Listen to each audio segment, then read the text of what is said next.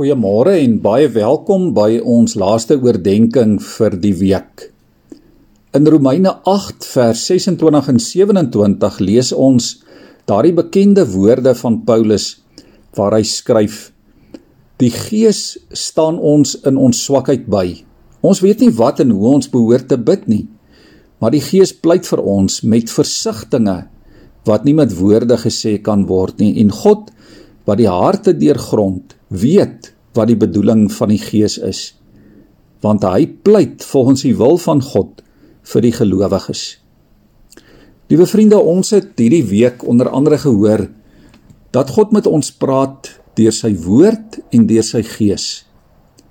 Ons het gehoor die Heilige Gees help ons en laat ons God se stem hoor en die Heilige Gees is dikwels daardie stille inspraak van God in jou en in my lewe.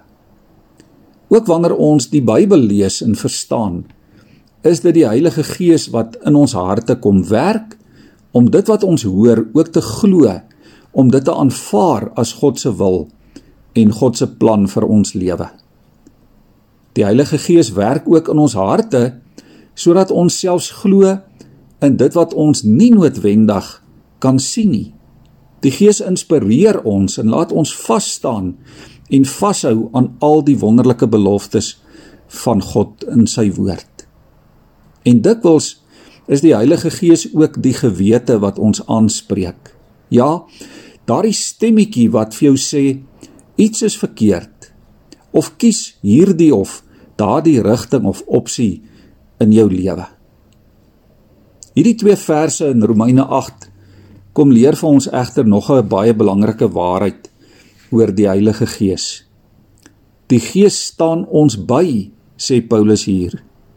Die Gees ken jou en my menslike swakheid en ons onvermoë. En die Gees weet byvoorbeeld hoe ons soms sukkel om te bid en hoe swak ons dikwels in ons geloof is en hoe maklik ons God teleurstel. En daarom praat die Heilige Gees namens ons. Hy tree vir ons in by God Ja, hy vat ons krom en skewe woorde en gedagtes en hy orden dit voor die troon van God. Die Heilige Gees sug namens ons op so 'n manier dat God presies weet wat ons nodig het en wat in ons lewens aan die gang is. Ja, die Heilige Gees ken jou beter as wat jy jouself ken. En die Gees ken God se wil en God se woord beter as wat ons dit ooit sal kan ken. Ons kan nie self voor God staan nie, nie een van ons nie. Maar die Gees van Christus staan namens ons en in ons plek daar voor God. Is dit nie vir oggend 'n 'n wonderlike en 'n heerlike gedagte nie? Jy het vandag 'n parakletos, 'n pleitbesorger, 'n trooster, 'n verteenwoordiger by God die Vader. Kom ons buig ons hoofde vir oggend so saam voor die Here.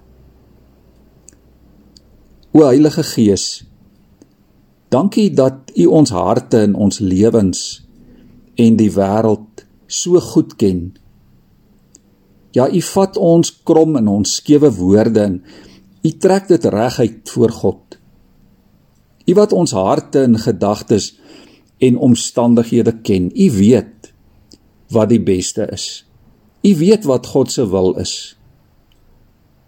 Here, ons weet dat ons nie kan bid laat U wil geskied sonder die Heilige Gees nie. En dit is net deur die krag van die Heilige Gees dat U koninkryk in en deur ons lewens sigbaar kan word. Here, U hoor vandag die gebede. U ken die harte van miljoene gelowiges in ons land en dwars oor die wêreld. Dankie, o Heilige Gees, dat U saam met ons bid. Dat U namens ons pleit en dat ons daarom kan weet daar is krag in elke gebed.